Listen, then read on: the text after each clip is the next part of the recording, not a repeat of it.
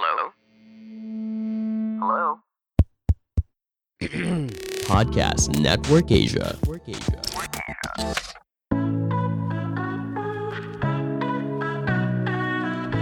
Selamat datang di AS Talk. Anissa Steviani Talk, podcast mingguan.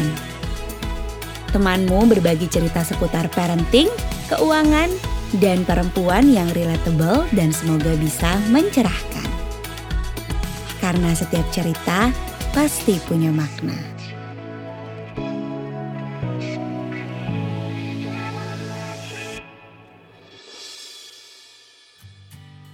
AS Talk didukung oleh Podcast Network Asia. Untuk mempelajari lebih lanjut tentang podcast lain dan juga network, ikuti Podcast Network Asia di media sosial atau kunjungi situs webnya di podcastnetwork.asia. Didukung juga oleh Podmetrics, cara termudah untuk memonetisasi podcast kamu. Daftar sekarang gratis di podmetrics.co. Halo. Halo. Ya, masih dengan suara yang sama. Tentu karena kita syutingnya di hari yang sama dengan episode hari apa? Hari Rabu kemarin.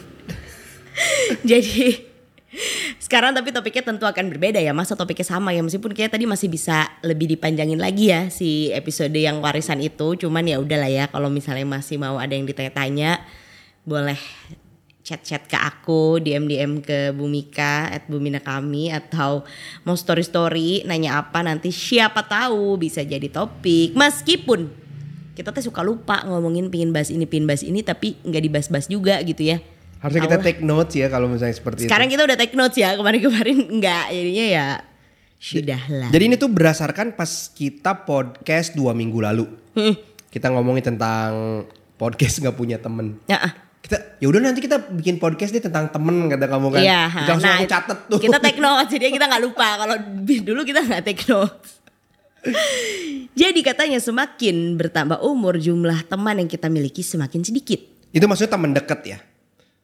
Temen Nggak deket. tahu ya, Itu maksud aku tuh temen deket. Tapi kalau misalnya temen biasa, jumlah teman itu semakin bertambah. Kenalan Kenalan, nah maksudnya itu kenal tuh akan kan semakin beda. banyak. Kan? Itu orang tuh nggak ngebedain itu. Aku ngebedain banget tuh kenalan, teman, teman dekat. Nah itu kan maksudnya aku tuh kalau secara teman atau teman dekat itu kita makin kecil tuh circle-nya. Ya, Tapi kalau kenal doang, kenalan itu semakin banyak, semakin luas. Dan kenal juga bukan kenal doang ya, kenal. Tapi kalau mau dibilang temen juga nggak tahu lagi rumah orang tuanya di mana gitu.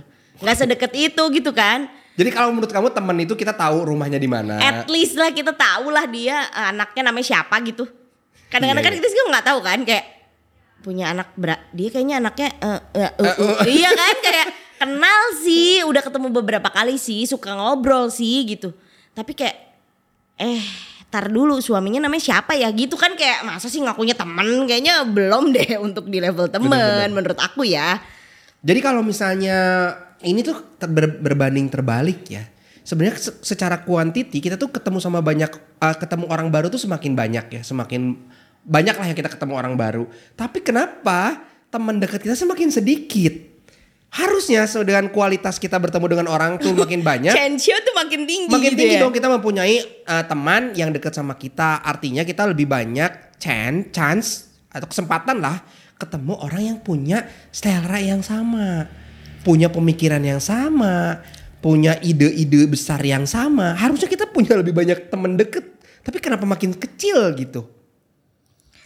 Em, kalau aku, kalau aku refleksi diri, kenapa aku sekarang tidak punya teman dekat yang kecil ya? Dan aku melihat teman-temanku yang lain ya. Sekarang kan aku my bestie gitu ya, kayak ya udahlah itu aja gitu. Dikit banget lah, nggak ada lima orang gitu kan. Dan aku itu nggak lagi main sama teman SMA dan kuliah aku. Maksudnya tuh ya nggak nggak sedekat itu lagi gitu. Aku ngeliat orang-orang tuh masih yang kayak tetap main gitu loh ya kan sama temen SMA-nya teman SMA tuh biasanya bukan temen kuliah sih. Sama teman SMA-nya biasanya tuh masih tetap main ya kan? Geng SMA tuh masih main sampai sekarang. Kalau aku tuh enggak padahal aku sebenarnya mau. Ini teman yang punya geng SMA dalam artian dia nggak kuliah atau dia sebenarnya kuliah tapi tetap tapi tetap aja mainnya Oh, sama oke, geng oke. SMA biasanya gitu kan? Berarti dia dua sekolahan setelah dia lulus ya, berarti SMA tuh kan. Mungkin aja teman-teman yang memang gak, nggak kuliah masih temenan sama teman SMP, karena itu kan dua turun juga mungkin ya. Enggak juga sih, maksud aku SMA kan emang umur-umur kita ngegeng. berteman gitu, ngegeng, oh, bener-bener. ha-ha. Jadi kayak Rebel bareng. Iya perkara SMA aja bukan karena nggak kuliah atau apa. Oke. Biasanya tem orang temenan sama teman SMA gitu. Hmm, Aku tuh sebenarnya masih pengen tem geng cewek-cewek aku SMA. Aku tuh sebenarnya masih mau-mau aja sih kalau misalnya berteman lagi seperti dulu gitu ya. Cuman tuh udah terlalu jauh gitu loh kalau aku ya. Kalau kalian mendengarkan ini, guys, sebenarnya aku juga nggak apa-apa sih mau tiap ke Bandung tuh kayak masih pengen ketemu gitu dan kadang aku suka chat kan, masih follow-followan di Instagram segala macam. Cuman terlalu lama nggak ketemunya gitu loh kalau aku reflect balik itu karena aku terlalu lama di Jakarta. Sementara teman-teman aku pada di Bandung. Jadi ada eh, jarak memisahkan dan berbeda dengan anak-anak zaman sekarang yang kayak adik-adik aku tuh ya, yang ketika lulus SMA tuh udah bisa langsung punya WhatsApp grup gitu.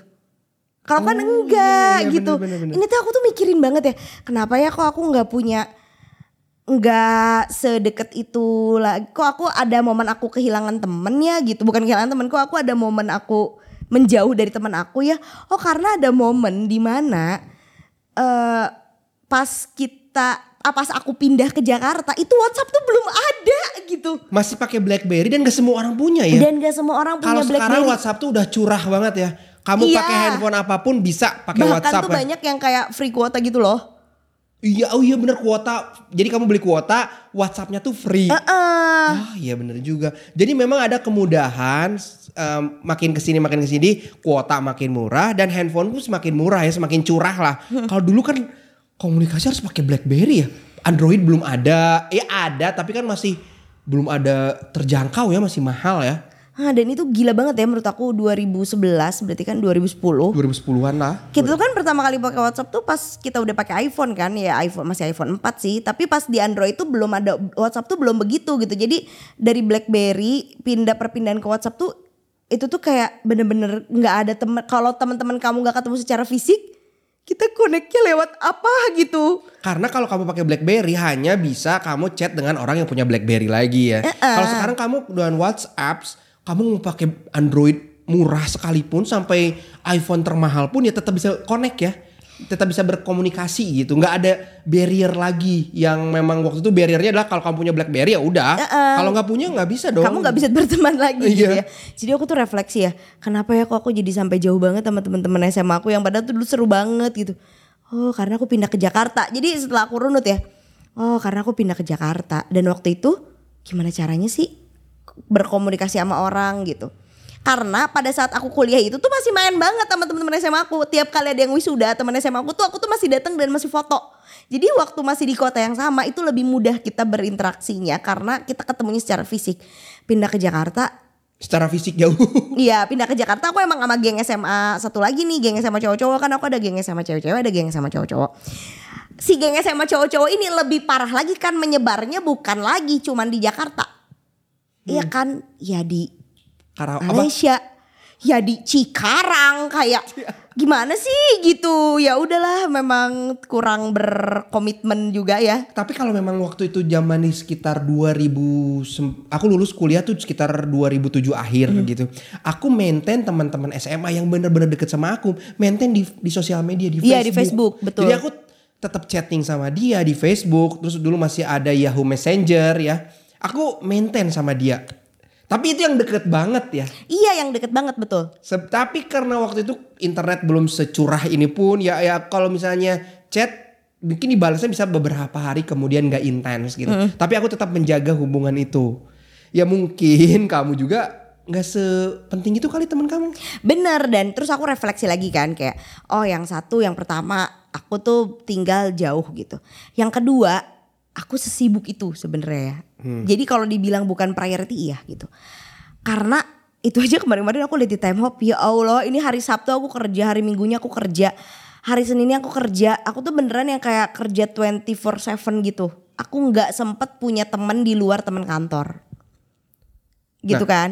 Jadi waktu itu teman aku adalah teman kantor gitu. Bener-bener nggak aku nggak ada waktu untuk memaintain teman lama gitu. Karena teman itu kan emang perlu di maintain ya. Least kamu harus say hi gitu kan. Nah kalau misalnya kamu ngomong kayak gitu, ini cocok banget nih pas aku baca di dari Oxford Dictionary tentang teman itu, ini aku bahasa Indonesia ini ya. Oke. Teman itu adalah hubungan yang mempunyai mutual affec- affection. Oke. Jadi kamu nggak ada, tadi kamu ada timbal balik kan harus ada timbal balik. Sedangkan di kantor ada timbal balik tuh. Selain mutual affection, perhatiannya kamu saling merhatiin nih. Lu udah makan belum? Makan bareng yuk gitu kan. Itu ada mutual affection. Tapi ke teman kamu yang di Bandung itu yang ada mutual affection, kamu tuh nggak nggak saling melempar perhatian gitu ya. Nggak ada mutual lagi di situ.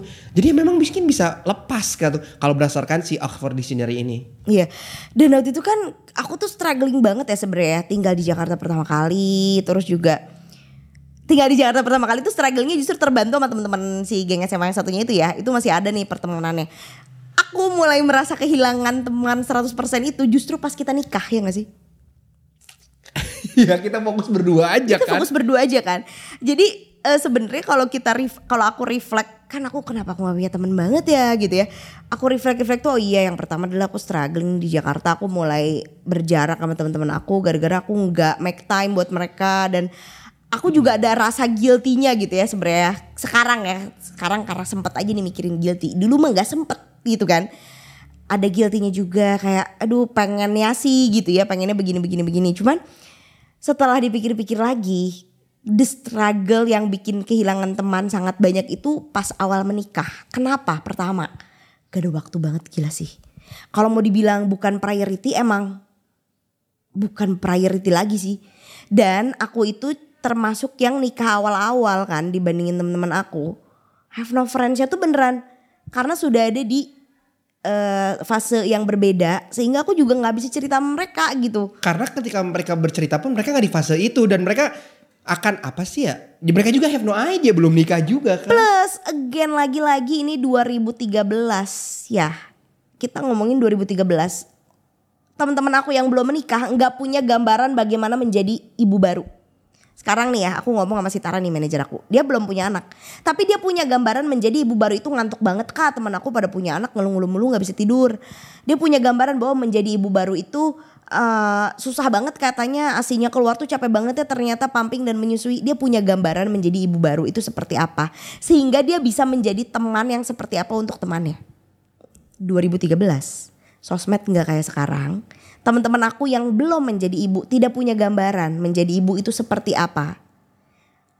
Aku bercerita pada mereka pun mereka jadi nggak relate dan pasti disangkanya tuh kayak ngeluh mulu ngeluh mulu Makanya dulu juga- kan ada kan ah apa sih nih ah, teman kita upload terus te- foto anaknya. Udah nggak line ya Udah nggak heeh. bener-bener pan- pandangan terhadap melihat sesuatu pun beda kan karena yang udah nikah ya emang anak dan pasangan ya apalagi sih ya iya Tapi dan ketika dan kita- orang tuh belum bisa berempati gitu Ya, kalau kita sekarang udah nikah, lihat ada orang teman kita upload foto anak terus, ya emang kayak gitu. Emang dunianya itu sekarang berbeda dia. Dunianya adalah keluarganya dia sendiri. Dan ketika sekarang kita anak kita udah gede, terus kita ngelihat ada teman kita yang baru punya bayi, terus dia ngeluh terus, foto anak terus gitu ber- berempati gitu kan.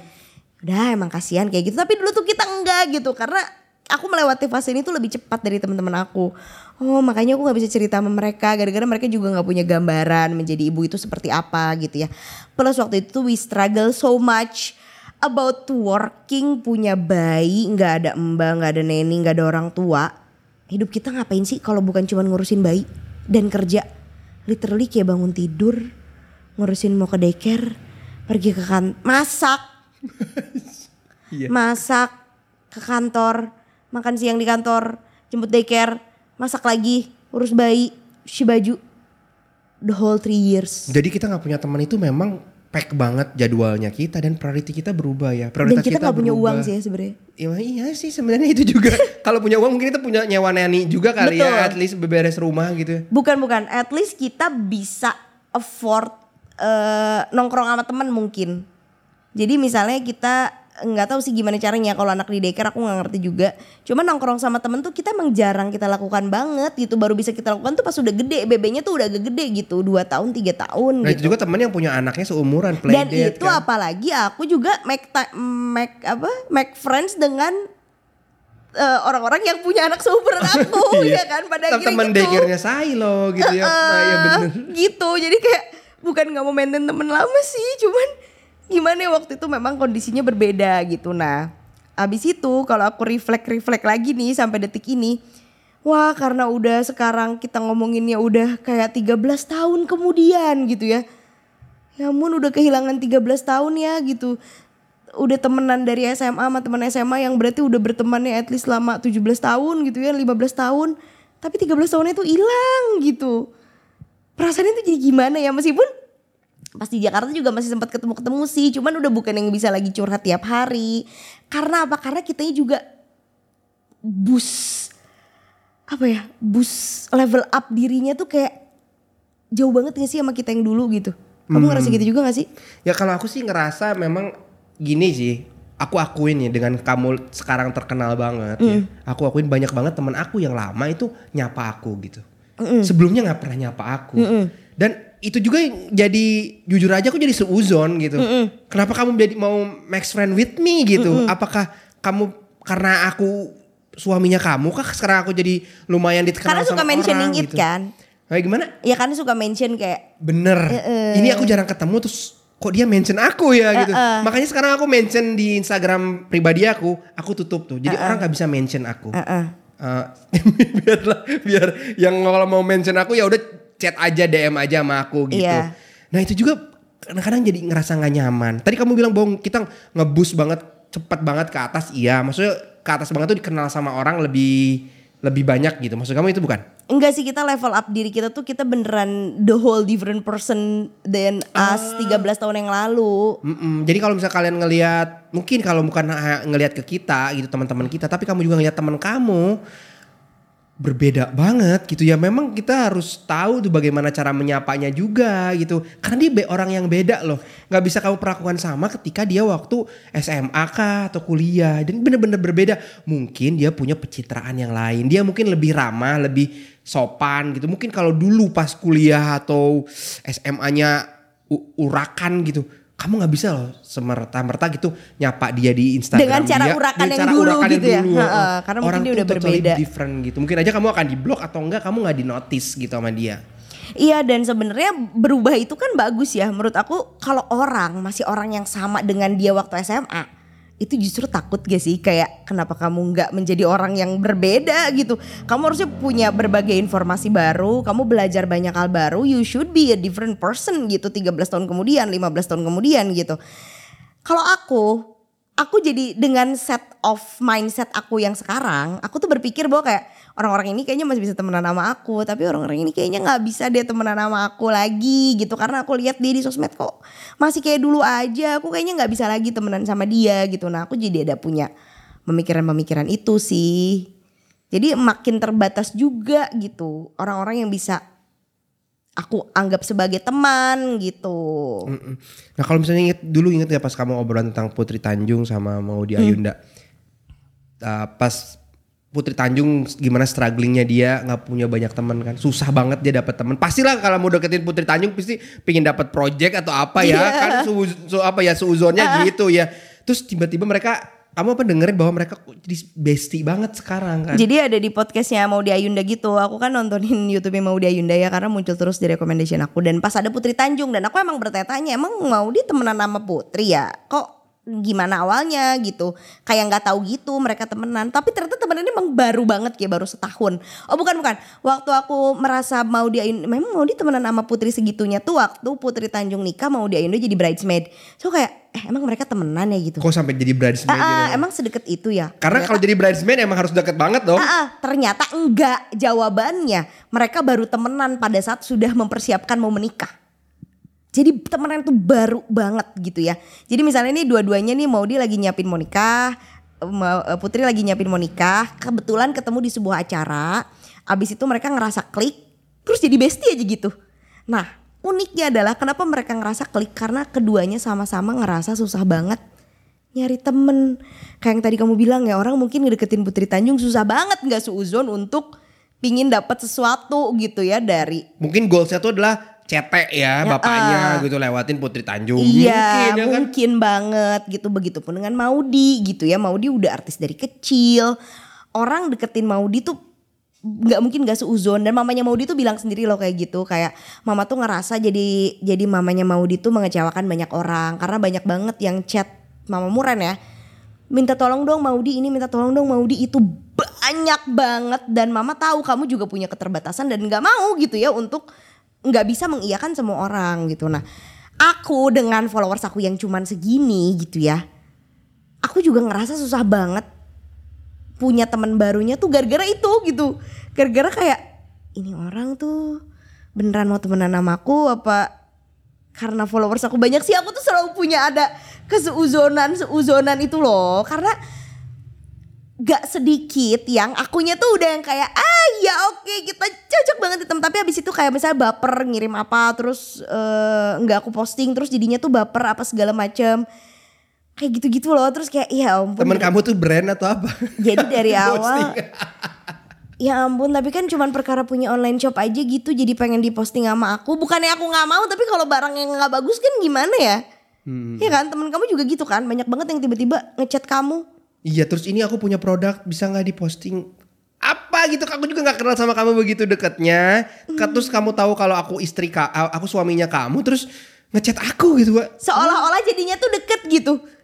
Jadi gini ketika ketika di titik ini ya nggak tahu ini ter- kedengerannya kayak snob apa enggak nggak apa-apa deh dibilang sombong atau apa gitu ya. Tapi itu yang memang- yang real kita rasain ini ini ya. yang real kita rasain ya.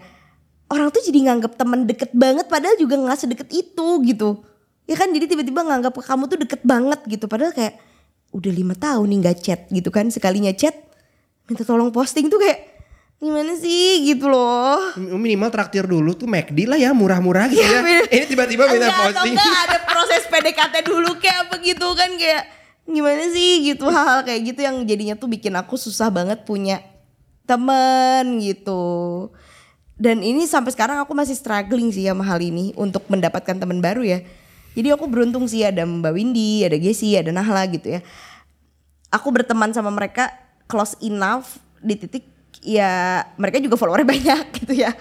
Mereka followernya juga banyak terus juga udah lama juga temenannya. Ini udah jalan tahun keberapa ya? Dari lahir lah ya dari 2014an lah. Kalau nggak ada mereka kayaknya aku kayak nggak punya bestie banget sih.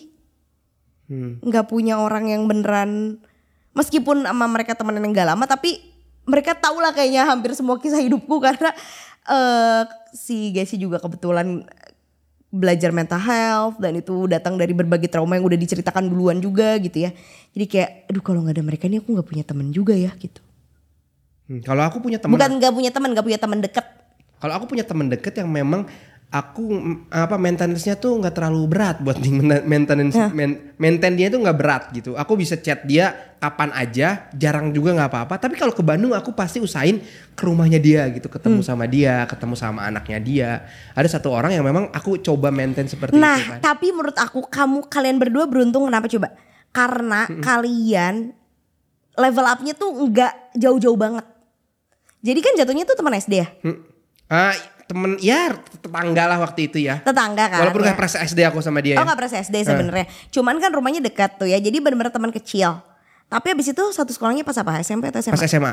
SMA-nya satu sekolah kan. Nah, tapi sekarang tuh kamu tuh datang dari keluarga yang miskin gitu ya. Dia juga pasti datang dari keluarga yang miskin dong, karena tetangga-tetangga doang kan ya. Di lingkungan yang sama.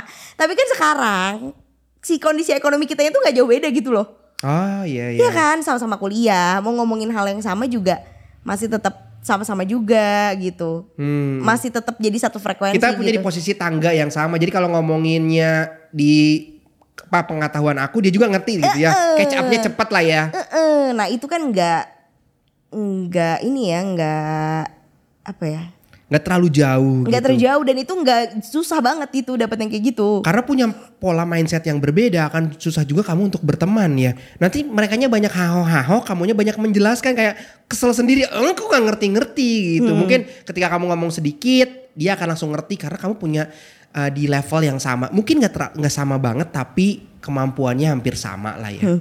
Karena ketika kita sekarang belajar self care, belajar boundaries gitu ya, kita kan juga pingin ada di lingkungan orang-orang yang at least pemikirannya tuh nggak bikin kita pusing gitu ya, nggak bikin kita sakit kepala gitu Enggak kayak. kan kita dalam hati ibu kok ini orang bodoh banget? Eh, gitu. kayak kenapa nih orang mikirnya kayak gini sih? Kan nggak pengen kan kita punya teman kayak gitu kan. Kalau ada yang kayak gitu ya udah kita ketemu secukupnya aja gitu. Nggak usah jadi nongkrong bareng juga. Tapi ketika orang pemikirannya udah mirip-mirip ya udah pasti akan kita maintain. Nah itu yang susah kan? Gitu. Bukan yang susah maintain ya susah ketemu orangnya maintainnya mah lebih gampang, tapi nemuin orangnya itu yang susah gitu. Iya yeah, benar. Aku juga kerasa banget sih maintainnya gampang banget, nggak perlu chat tiap hari. Tapi ketika kita langsung chat atau teleponan, wah kita udah bisa ngobrol lama banget gitu. Mm-hmm. Punya, oh, terus ngomong ke sana kesemari, terus udah gitu nggak ngobrol lama pun nggak apa-apa. Dia nggak baper, aku nggak baper gitu.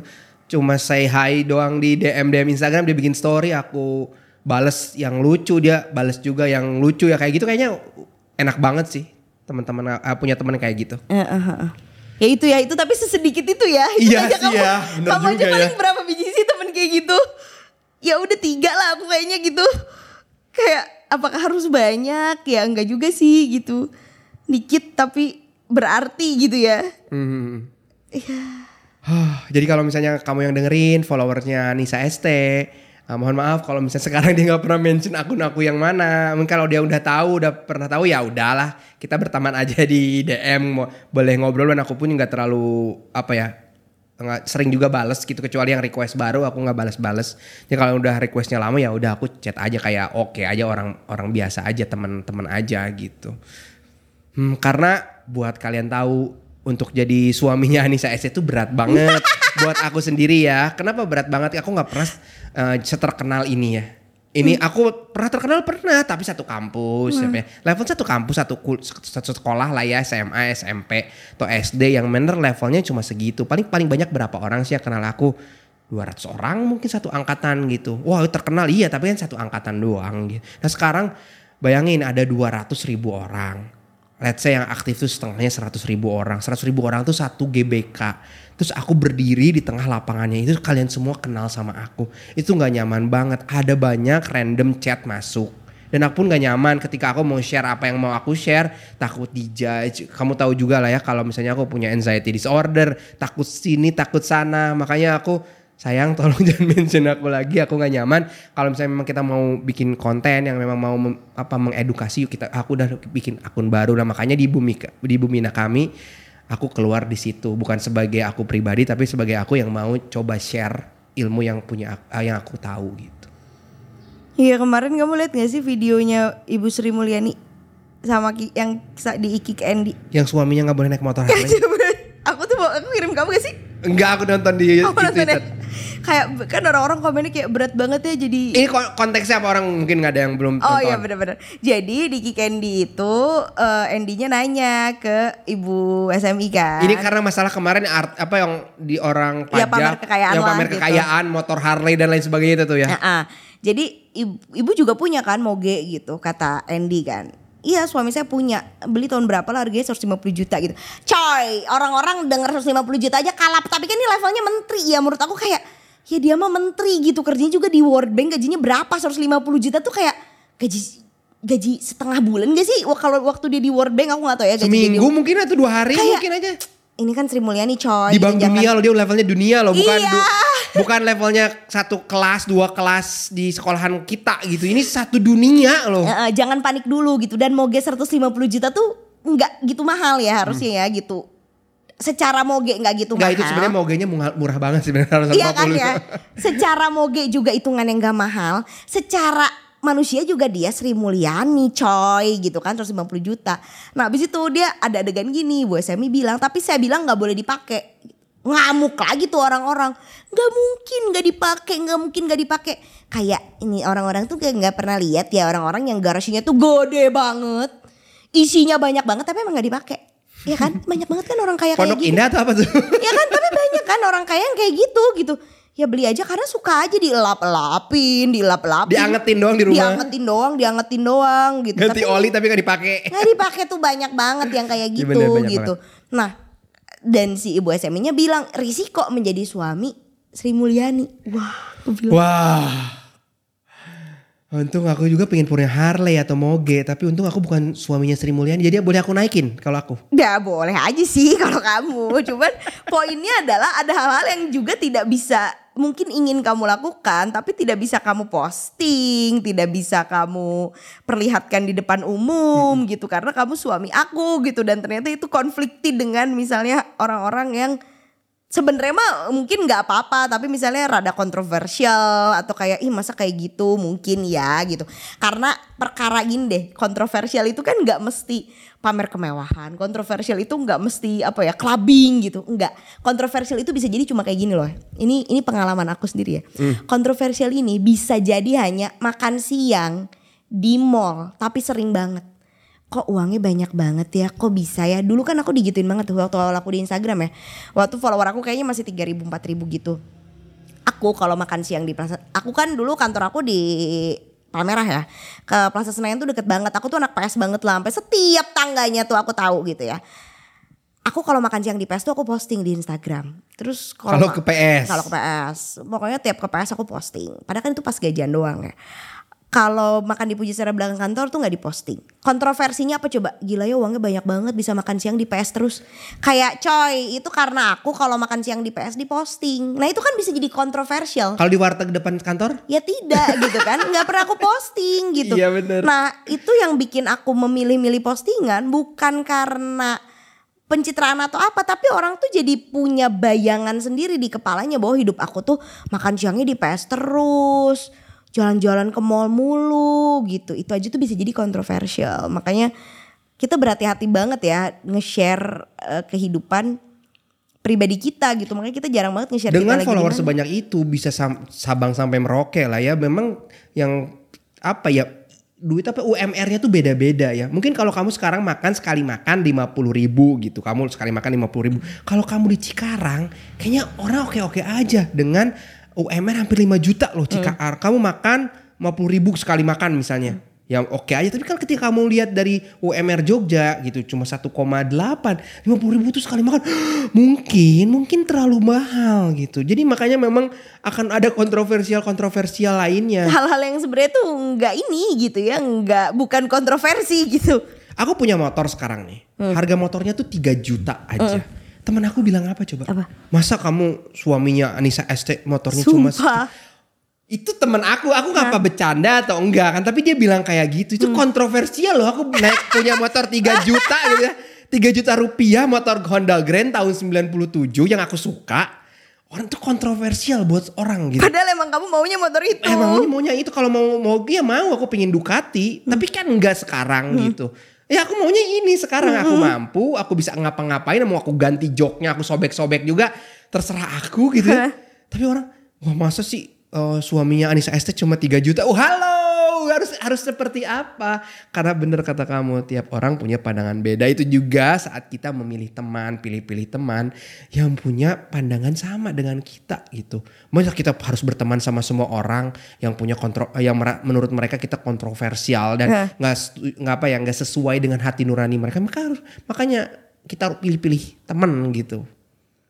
Aduh, tadi kenapa ya kita jadi ngomongin itu ya oh Sri Mulyani, Sri Mulyani. gara-gara ibu SMI ya gitu jadi banyak banget orang-orang yang mendadak jadi temen gitu. Apalagi ada yang gini juga sih kalau aku kayak nyapa aku lagi kayak iya kita dulu temenan di mana? Kayak "Ah, dulu kayaknya cuman kenal berapa bulan aku juga nggak tahu kamu siapa gitu. Dan aku tuh berhati-hati bukan karena follower aku banyak ya bukan karena aku seuzon mereka memanfaatkan aku. Aku lebih khawatir mereka nggak satu frekuensi sama aku sih yang tadi kamu bilang itu tadi. Hmm, bener bener bener. kayak udah kita udah effort segala macam ya ternyata orangnya aneh lagi gitu. Tapi sekarang aku cenderung make effort sih Eh, karena satu udah punya waktu dua udah punya uang. Ketiga ya udah ada udah ada resource-nya aja sih. Aku sekarang udah lebih make effort untuk ngajak main teman-teman aku lagi. Jadi kayak lunch yuk gitu.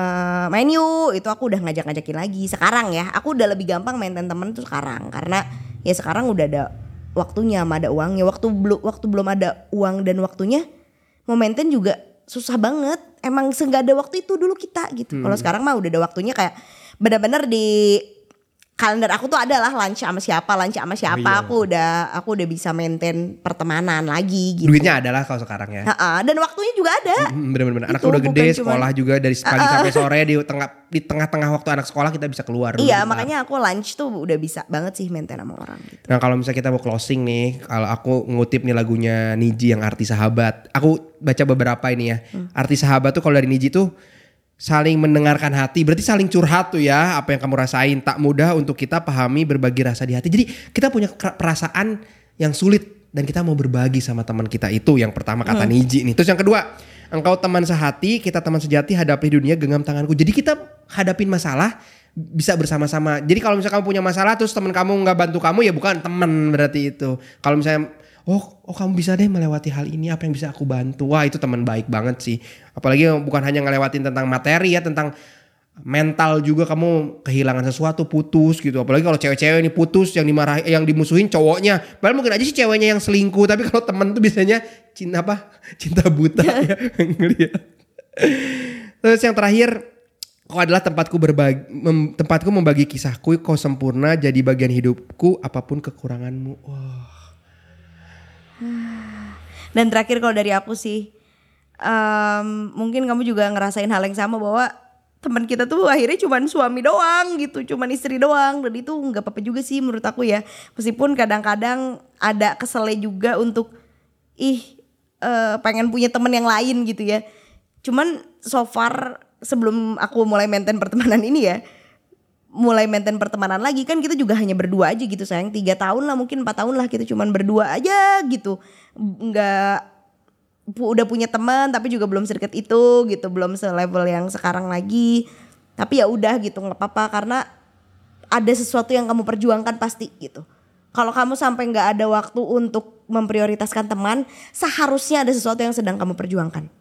Either waktu itu kalau kita memperjuangkan anak untuk dapet yang paling baik buat dia, lagi memperjuangkan pengelolaan keuangan atau lagi memperjuangkan karir, jadi kamu nggak bisa maintain teman, seharusnya sih di situ gitu. Tapi kalau kamu lagi nggak memperjuangkan apa-apa dan nggak ada teman, mungkin harus refleksi diri kali ya. Iya kali ya, bener. Kenapa kok bisa gitu nggak punya teman? Karena sekarang kerasa ya kita udah nggak nggak terlalu memperjuangkan apa-apa, udah bisa lagi nih ternyata maintain teman gitu. Nah kalau dari podcast dari podcast ini kamu jadi ingat teman deket kamu zaman-zaman dulu, coba deh hubungin lagi, terus tanyain kabarnya. Semoga nanti nih silaturahminya bisa terjalin lagi dan kan sekarang mau ada momennya puasa ya, kita bisa ketemu lagi sama mereka. Ya minimal kalau mereka sudah punya anak, kamu bisa playdate bareng sama dia.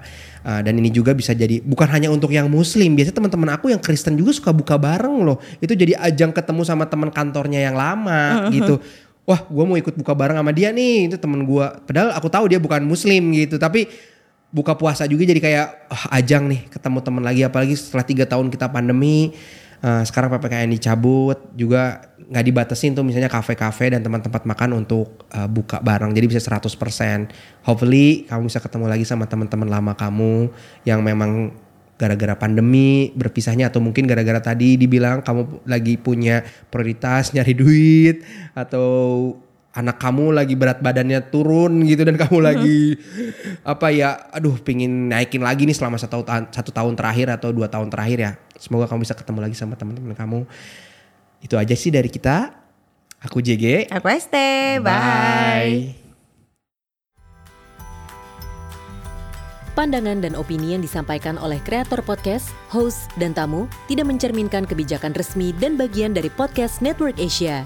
Setiap konten yang disampaikan mereka di dalam podcast adalah opini mereka sendiri dan tidak bermaksud untuk merugikan agama, grup etnik, perkumpulan, organisasi, perusahaan, perorangan, atau siapa pun dan apa pun.